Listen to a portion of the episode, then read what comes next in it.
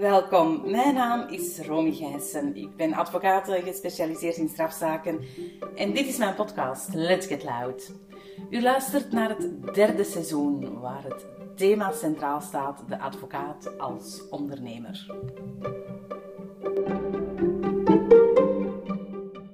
Bedankt om te luisteren naar deze aflevering. In deze aflevering ga ik een gesprek met jullie delen dat ik had met meester Jan Tuurlings. Zoals jullie weten gaat mijn derde seizoen over de advocaat als ondernemer. En ik wou uh, meester Jan Tuurlings absoluut niet laten ontbreken in de gesprekken die ik met jullie wil delen. Waarom? Voor mij uh, is meester Jan Tuurlings toch wel een voorbeeld wanneer het gaat over een kantoor dat men eigenlijk moet aanzien als een onderneming en waarin men steeds kan groeien en groeien en blijven groeien. Want eens men die weg natuurlijk van de groei is ingeslagen, is er eigenlijk nog weinig mogelijkheden om een weg terug te nemen. En daar wil ik het toch wel zeer graag met hem over hebben en dit met jullie delen, omdat het zeer inspirerend is, omdat die man toch wel een, een bepaalde visie heeft op, op het ondernemerschap binnen die advocatuur.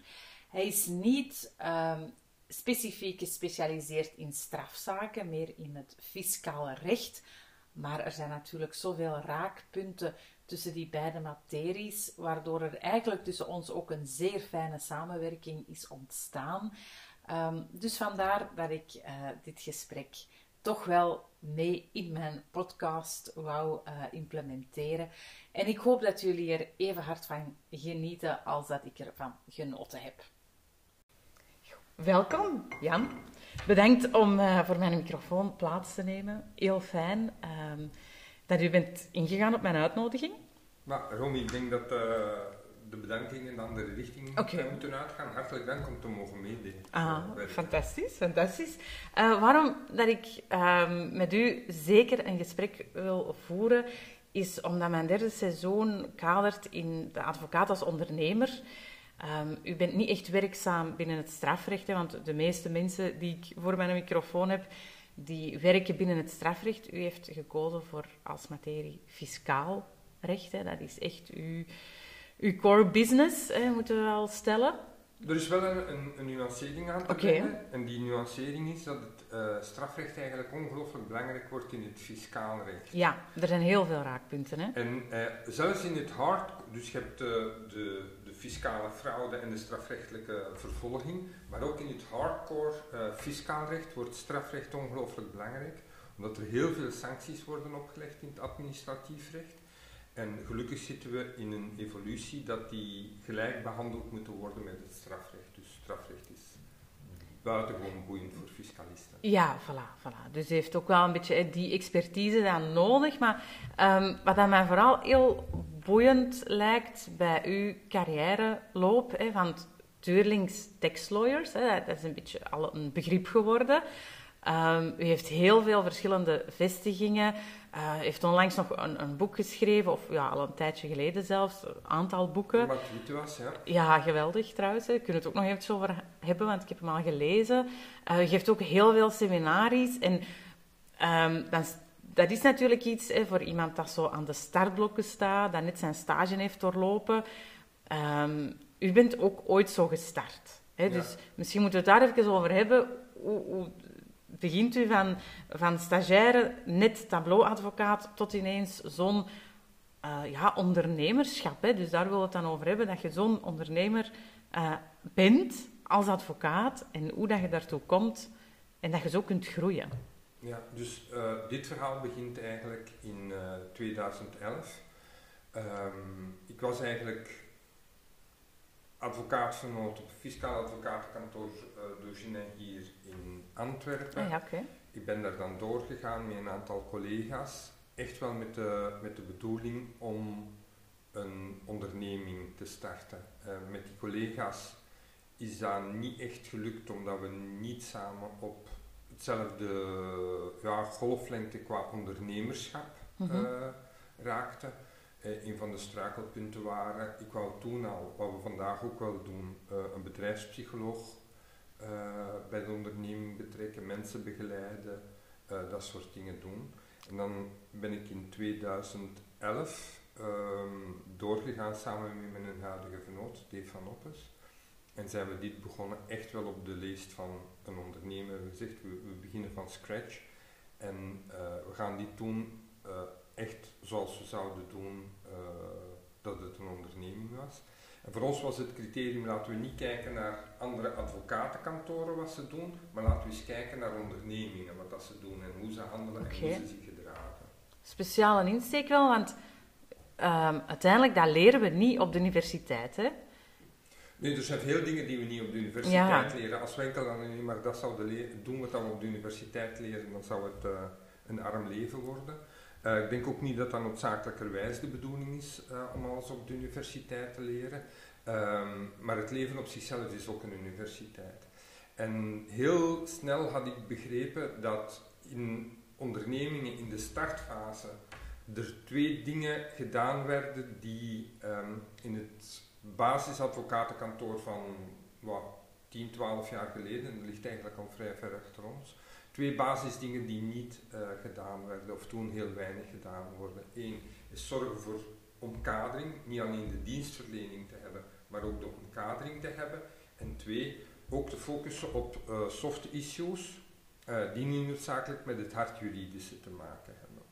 En met betrekking tot onze eigenlijke operatie hebben we heel lang uh, in een, wat je op dat ogenblik zonder twijfel als een veel te zware organisatie zou uh, beschouwen. We hebben gewerkt in een organisatie waar er evenveel uh, stafmedewerkers waren, wat we op andere kantoren secretariaat zouden noemen, mm -hmm. evenveel stafmedewerkers als effectieve advocaten. Okay. En dat gaf ons ehm, dat was een, een, zware kostenstructuur op dat ogenblik, een hele zware kostenstructuur.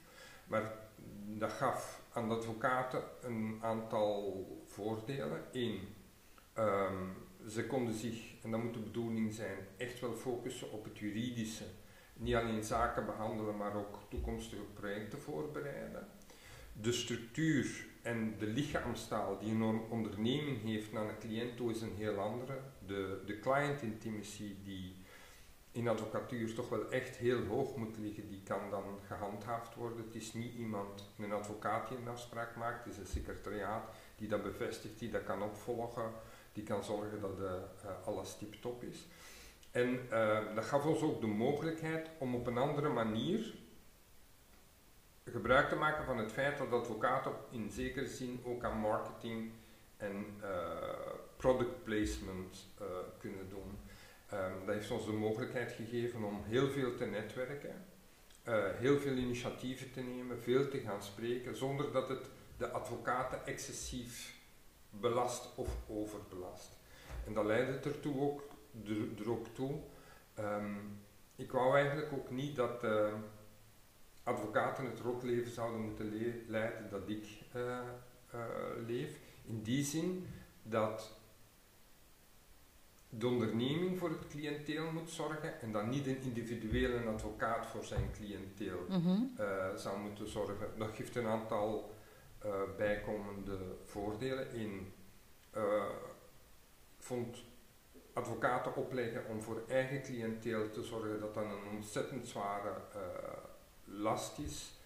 Um, één, psychologisch om te dragen, uh, financieel uh, ampetant om te dragen. Er zit weinig voorspellende kracht in, in die opstartfase. Werken ook met hele jonge mensen. En dan komt het tweede aspect. Um, vind het oké als zij af en toe s'avonds een seminarie moeten geven. Die mogen van mij best wel uh, op een diner verschijnen met veel plezier of eens een receptie doen. Maar het excessief en het implementeren van excessieve avondactiviteiten, uh, daarvan vond ik dat het voor jonge mensen te zwaar was om te dragen. En dus zijn we naar een marketingmodel uh, gegaan waarbij de onderneming zichzelf uh, in de spotlight zet, op een andere manier in de spotlight zet en dat de, de druk bij jonge mensen rond cliënteel zal afnemen tien jaar later ben ik daar eigenlijk heel blij om. Dat ja? dat gelukt is. Oké, okay, dat is gelukt. En eigenlijk die insteek is, want ik heb ook ehm, in, in een vorig seizoen een gesprek gehad uh, met meester Nele Somers. En zij heeft ook een, op korte termijn een, een zeer harde groei gekend hè, van, van, haar advocatenkantoor. En haar insteek is ook van, oké, ik ben nu misschien wel hè, gestart en, en ik kan wel als, als leider naar voren worden geschoven. Maar uiteindelijk is de bedoeling dat ik er na een tijd uit kan en dat ik allemaal leiders achterlaat. Hè. Ik, ik, denk dat u ook zo wel een beetje die insteek heeft van, ik wil mijn medewerkers en, en medevenoten al alle kansen bieden, dat ik misschien hopelijk met een tijd wat minder werklast heb, werkdruk heb.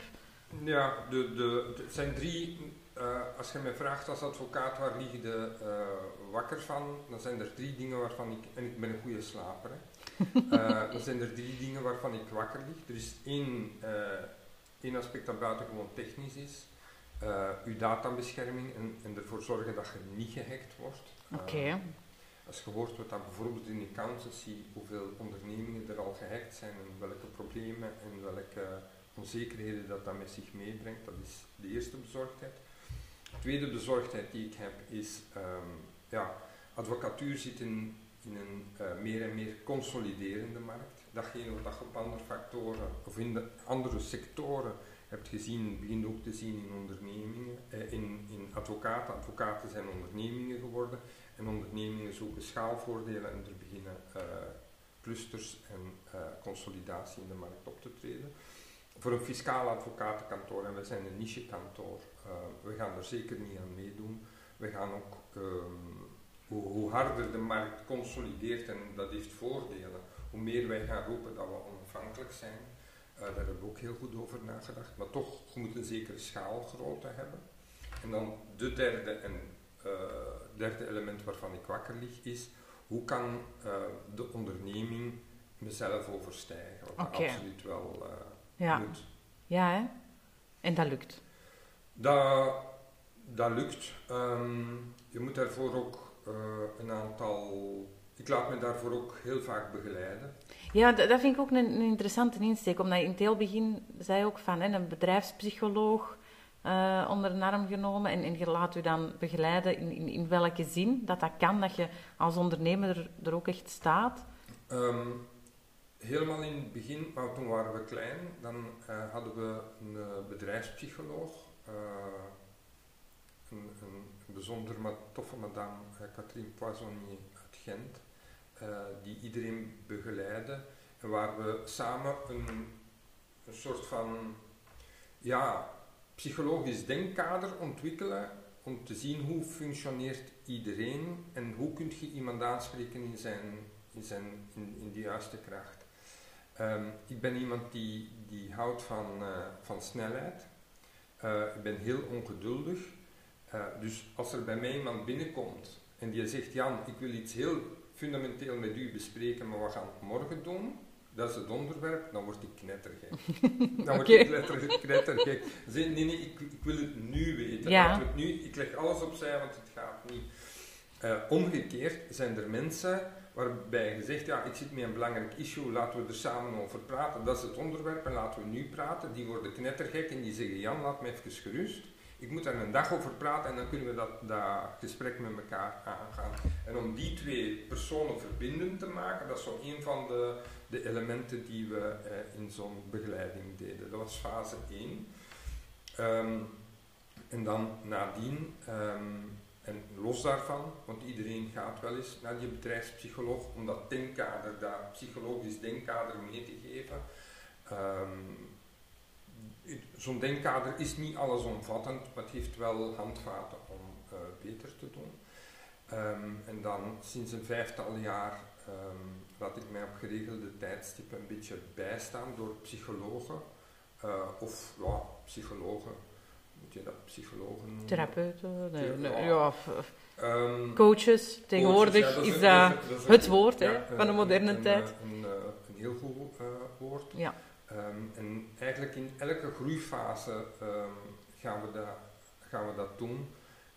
na vijf jaar hebben we dat gedaan en dan plots uh, bij een opstart een kleine onderneming en dan plots uh, stel je vast dat je een, een, een onderneming bent, zo rond ja, tussen die 10 en de 15 toen begonnen er zich uh, leiderschapsproblemen in mijn hoofden te, te manifesteren. Ehm, en dan hebben we dat gedaan met Valerie van Geel om wat de, de, kennis en de kunde moet zijn en het inzicht moet zijn om, de groep van uh, 15 man aan te sturen, waar je mee vooruit gaat, waar jonge mensen in zitten. En vandaag starten we een nieuw project, omdat we fors aan het uitbreiden zijn. We zijn in Limburg fors aan het investeren. We zullen twee echt evenwaardige operationele teams hebben die op twee verschillende vestigingen heel operationeel zijn en, en eigenlijk mekaars tegengewicht vormen, hoe je daar moet mee omgaan en hoe je verantwoordelijkheid in een organisatie altijd maar verder en verder. Verantwoordelijkheid niet afschuiven, maar de, de onderneming vertrouwen geven dat zij verantwoordelijkheid kunnen nemen en dat het niet altijd bij de naamvernoot is die mm finaal al elke beslissing moet, pakken. Maar voelt u nu dan zo meer een manager van uw kantoor en wordt het juridische voor uzelf dan, hè? het juridische werk wat meer naar de achtergrond geschoven of moet u echt proberen de combinatie te maken van de twee? Ik zal, ik zal nooit het juridische achter mij laten, dat is uh, mm -hmm. heel duidelijk. Um, en ik doe het management uh, ook wel graag, zou ik vroeger uh, gedacht hebben. In realiteit is dat niet zo. Wat ik heel graag doe, is de business development. En dat is mhm. ook nog heel juridisch. De opportuniteiten zien, uh, zien waar er uh, samenwerkingen mogelijk zijn, zien waar er evoluties mogelijk zijn, jonge mensen aansturen en dossiers voorbereiden die eigenlijk nog niet op uw kantoor liggen, nog niet op uw bureau mhm. liggen, waarvan je weet dat ze, dat ze er komen. En dat, dat maakt dat, ja, we zijn nu tussen de 25 en de 30 man, het zal wellicht nog groeien, um, dat je aan die stafdiensten wel de verantwoordelijkheid, het vertrouwen moet geven om verantwoordelijkheid te kunnen nemen. Dat is wel een basis, dat vertrouwen tussen venoten. tussen venoten, nog belangrijker is het vertrouwen tussen de stafdiensten en de venoten. Mhm. Want heel vaak, er wordt soms wel gezegd, ja maar, dat is uw onderneming. En dat is een beetje de positie waar ik aan voorbij ben. Uh, dit is niet mijn onderneming, dit is niet uh, zijn onderneming.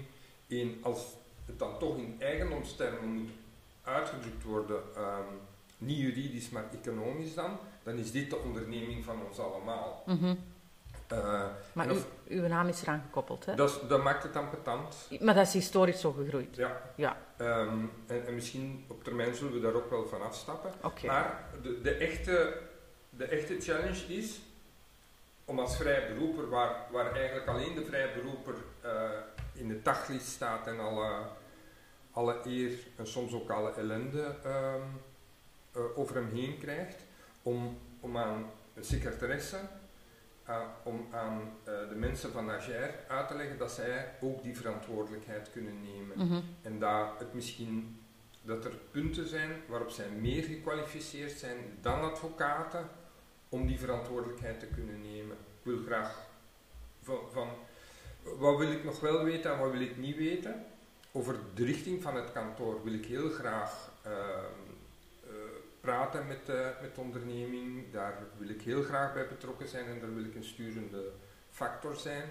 In de high-level uitvoering wil ik een partner zijn, maar veel minder dan op het sturende. En op het uitvoerende vlak, dan moet 100% de beslissing zijn van de onderneming zelf. Daar hoef ik mij niet, okay. bij betrokken te voelen.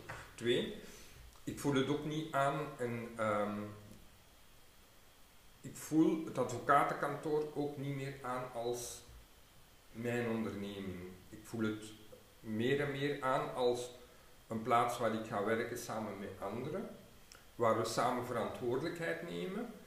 Het is niet dat ik wegloop van verantwoordelijkheid, want dat gevoel heb ik toch wel dat ik de eindverantwoordelijkheid mhm. moet nemen, maar ik heb niet zo meer in de start-up fase het idee van dit is mijn onderneming. Nee, het is veel breder okay.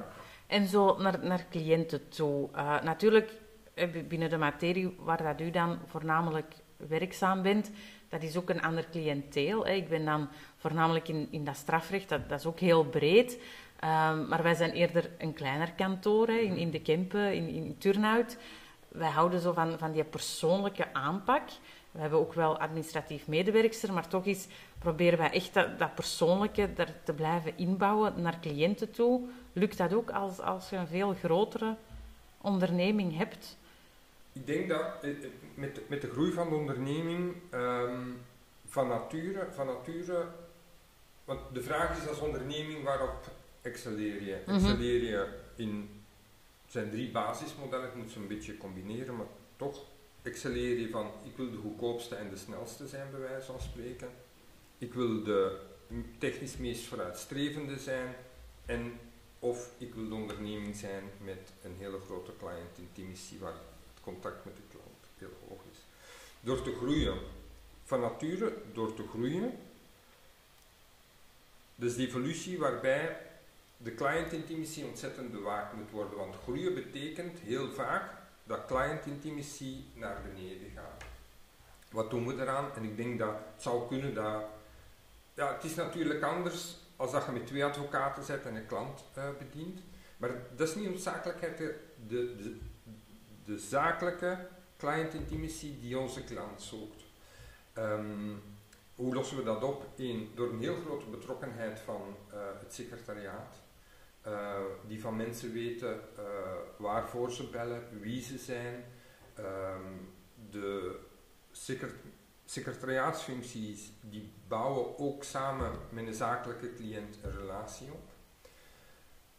Twee, we nemen ook alle jonge mensen mee op een weekend in en dan doen we een nachtropping, een groot kampvuur okay. en drinken dan wel eens wat veel of te veel.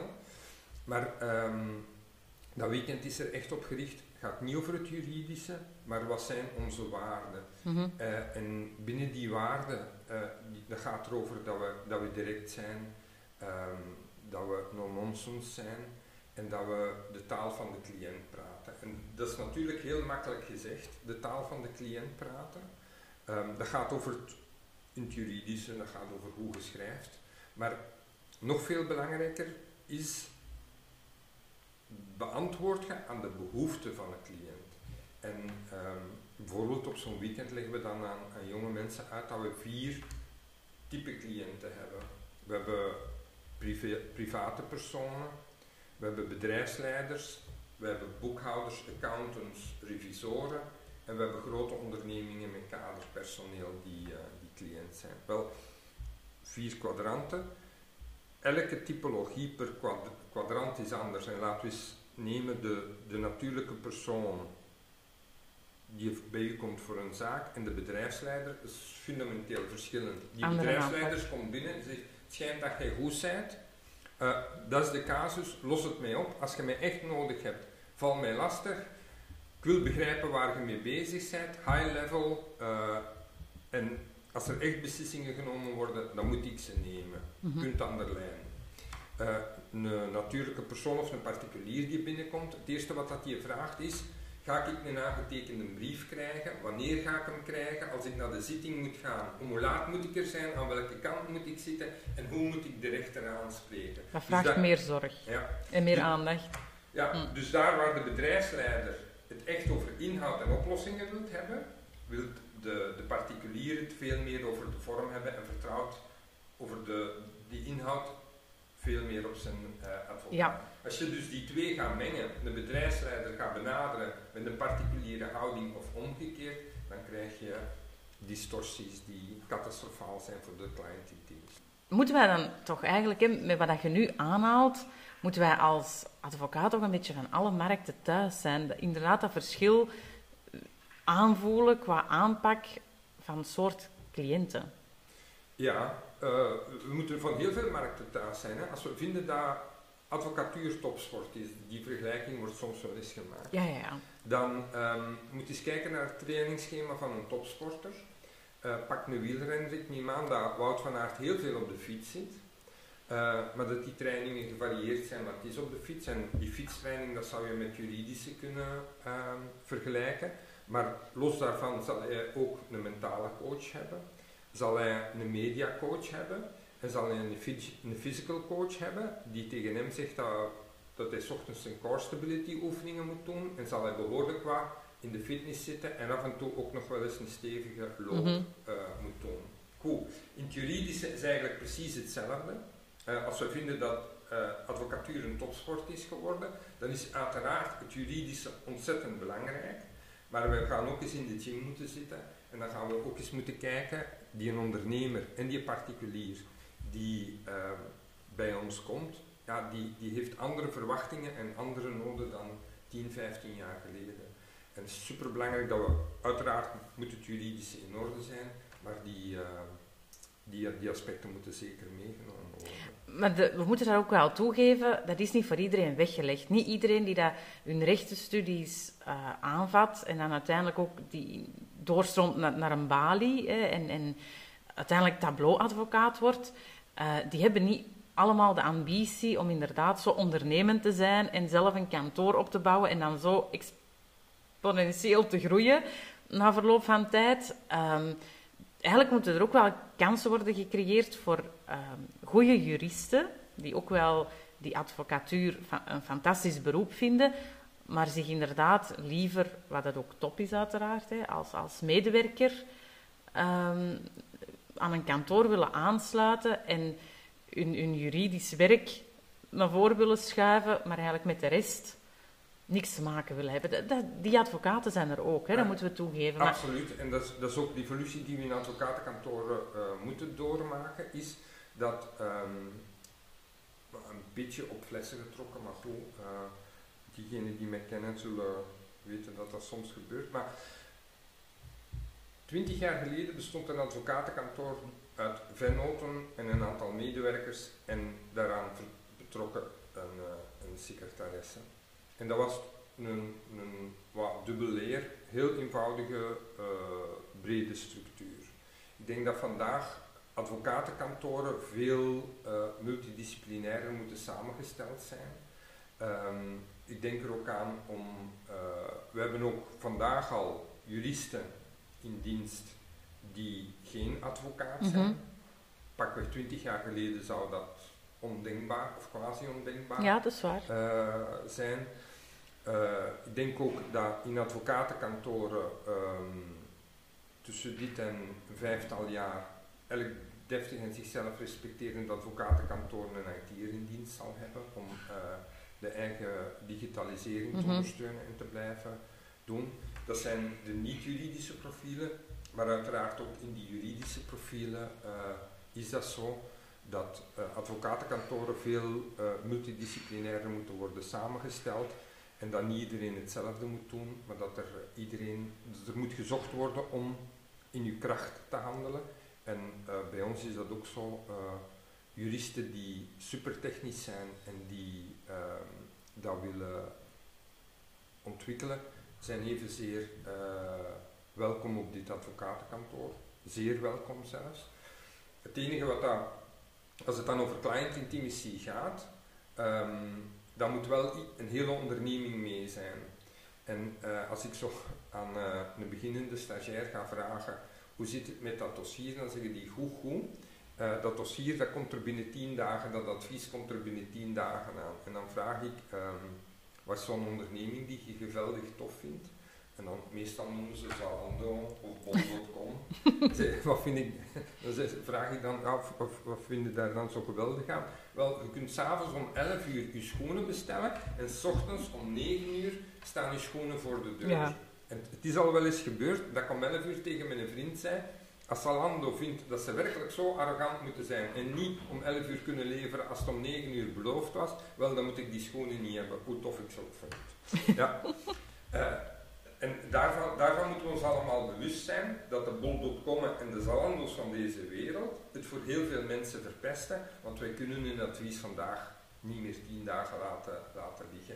Mensen zijn een veel snellere ehm, maatschappij gewoon. Misschien kunnen we wel uitleggen aan de cliënt waarom het tien dagen duurt, Mhm. maar de communicatie en de manier van communicatie moet een beetje eh, afgestemd worden aan de snelheid en de digitalisering die we in de maatschappij vandaag Ja, ja, ja. ja, wat dat je aanhaalt, inderdaad. We leven in, in een maatschappij van met de vingers knippen en het, het moet er staan. Dat werkt natuurlijk niet binnen de advocatuur, maar Allee, je wilt wel die snelheid inbouwen Maar we bij moeten er wel een medewerkers. beetje rekening mee Ja, we moeten erop inspelen. Maar- Dat is waar. En eh, ja, moet je zien naar zo een, een eh, ik heb dat met dan eens laten eh, voordoen door zo eh, een stagiaire. De, de, de bepampering die er gebeurt bij Zalando, u, u heeft net besteld, Ja. eh, u, uw betaling is toegekomen, uw, uw bestelling is verwerkt, Ja. uw schoenen staan klaar, ze zijn inge- ingepakt, het is echt wel de maat die je hebt besteld, is Ja. vertrokken, is aangekomen. En wat Vijf u e-mails, ja, ik weet het. Ehm, maar als je dat in je hoofd hebt, ehm, en in de advocatuur moeten we dat niet op die manier doen, maar het is zo determinerend in de maatschappij dat we er als advocaten wel een beetje rekening zullen eh, moeten mee houden. Ik eh, had een, eh, ben ook co-voorzitter van het Forum for the Future, een belangenbehartiging voor vrije beroepers. Het ging daar over werving en selectie. Mhm. En in, ik heb een maandelijkse talkshow. En naar aanleiding van het debat had ik tien talkshows, waaronder eentje rond uh, en het, en het eh, aanwerven van nieuwe mensen. Mhm. Ja, eh Romy, mijn, mijn ogen zijn daar open gegaan. Hè. Eh, voor de jonge mensen solliciteren, dat gaat niet meer met een sollicitatiebrief. ehm, eh, waarin je dat allemaal uitlegt. Mensen, jonge mensen verwachten eh, andere dingen.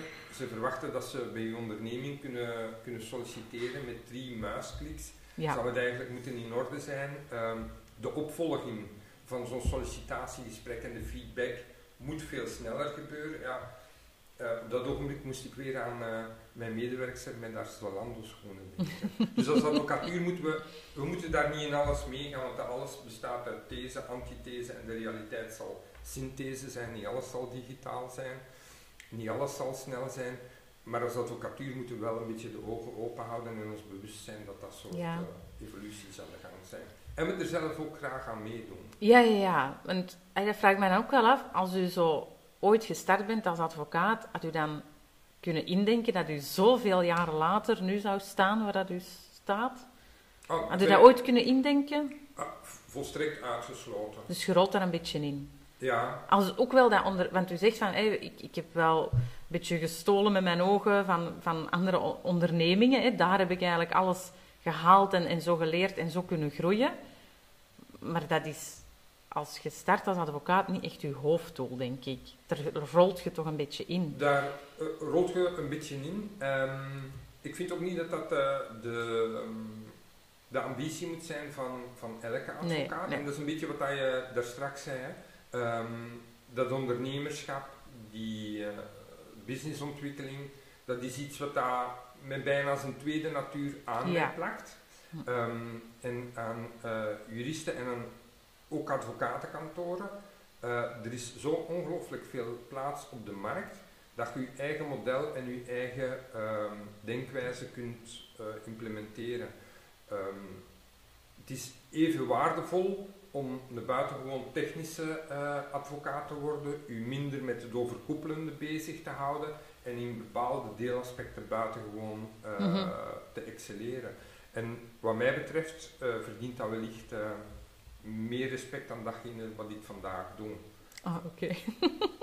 nee, maar we- zijn nogal vrij positief ingesteld. Hè. Ik, ik weet dat u dat ook heeft. En eh, we stellen dat nu misschien een beetje voor van... Goh, het gaat precies allemaal zo vanzelf.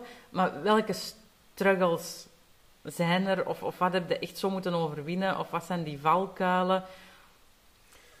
De, ehm, eh, en uiteraard hebben wij vandaag ehm, eh, valkuilen. En het is heel grappig, de, de vraag is heel grap- grappig, want. Ehm, een, een paar maanden geleden eh, was ik ehm, elke, elke verjaardag van het kantoor doen we dat zo'n beetje. En dan zeggen we, ah, ah, wa- waar staan we? Dat is toch wel knap. Hadden we dat nu gedacht en, en waar staan we nu? En de, in, in zo een van de gesprekken met Dave zei ik, als we zo twaalf jaar geleden, als we samen startten, ehm, zouden voorbijgereden zijn in het kantoor zoals het nu is, in de Van Putlei en dat statig gebouw en eh, het exposure op de markt hebben dat we eh, vandaag op de markt hebben, dan zouden we tegen elkaar zeggen, ziet, die gasten daar, die hebben het gemakkelijk. Want die zijn, die, die hebben een brede basis uitgebouwd en die kunnen van daaruit uh, verder uh, bouwen. Eigenlijk hebben we vandaag dezelfde problemen als die we twaalf jaar geleden hadden. Die situeren zich op, een, op een ander vlak. Maar er is toch een common ground. En die common ground is als onderneming hoe leg je de balans tussen het investeren naar de toekomst toe en het vandaag remunereren van wat dat er is. Mhm. Uh, en advocatenkantoren zijn daar wat dat betreft misschien moeilijker dan andere uh, ondernemingen, omdat uh, advocaten um, is eigenlijk een hondenstiel. Werner Lens vertelde mij eens um, dat het de mooiste hondenstiel was die er was. Wellicht is hij er niet heel ver naast. Um, het is heel hard werken en we komen uit een cultuur waar advocatenremuneraties kort bij hun prestaties liggen. We komen uit een cultuur waar um, advocatenkantoren heel veel van de winst uitkeren en eigenlijk niks in de onderneming laten om te, te investeren. En de echte uitdaging wat mij betreft, en dat is precies dezelfde bij de opstart als vandaag, welk gedeelte van die ondernemingswinst allokeert je om je remuneratie te doen en welk deel van de ondernemingswinst heb je nodig om lang, lange termijn uh, mm -hmm. projecten te ontwikkelen. Bij een start-up, die lange termijn, je hebt snel cash nodig en snel uh, exposure nodig, je moet uh, van de grond geraken. Die lange termijn projecten zijn dan relatief korte termijn. Hoe groter de onderneming wordt, hoe meer budgettaire vrijheid er mogelijk is om op wat langere termijn te, te, te plannen.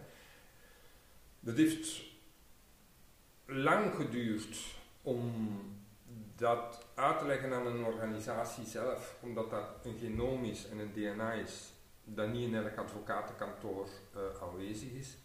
Um, maar dat is wat het verschil heeft gemaakt. Als ik vandaag kijk op de markt, dan zie je, als wij begonnen, als ik aan de balie kwam en we zouden vandaag een advocatenkantoor hebben met 30 man, zouden we de allergrootste in Antwerpen zijn.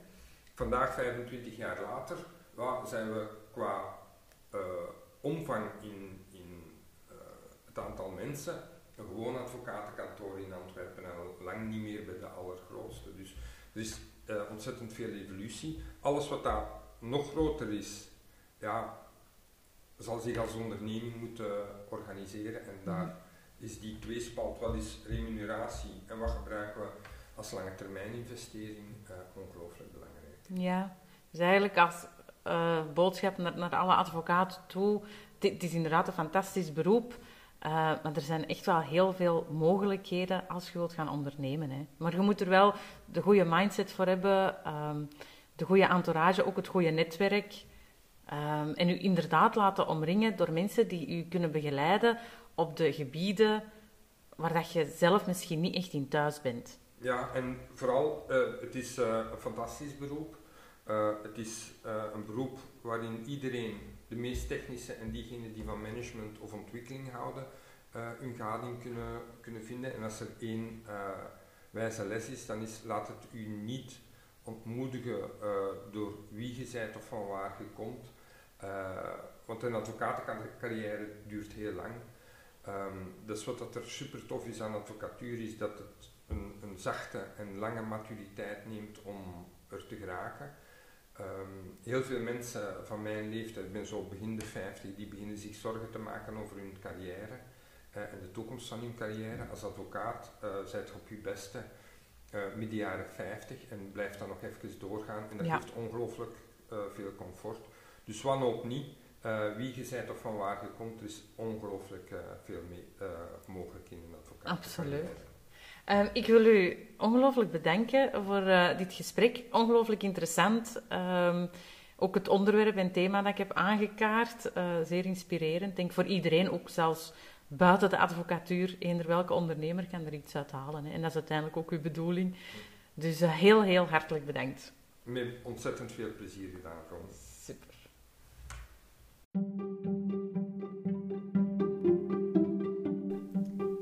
Vond u deze aflevering interessant? Deel hem dan gerust met uw vrienden of collega's. Om op de hoogte te blijven van de nieuwe afleveringen die online zullen komen, volg mij dan via sociale media. Dit kan via LinkedIn onder de naam Romy Gijssen of via Instagram onder de naam Romy underscore Gijssen underscore advocaat. U kan uiteraard ook de podcast volgen via waar u hem ook beluistert, via Spotify of via de podcast-app. Een beoordeling wordt uiteraard ook altijd geapprecieerd. Heel graag tot de volgende aflevering.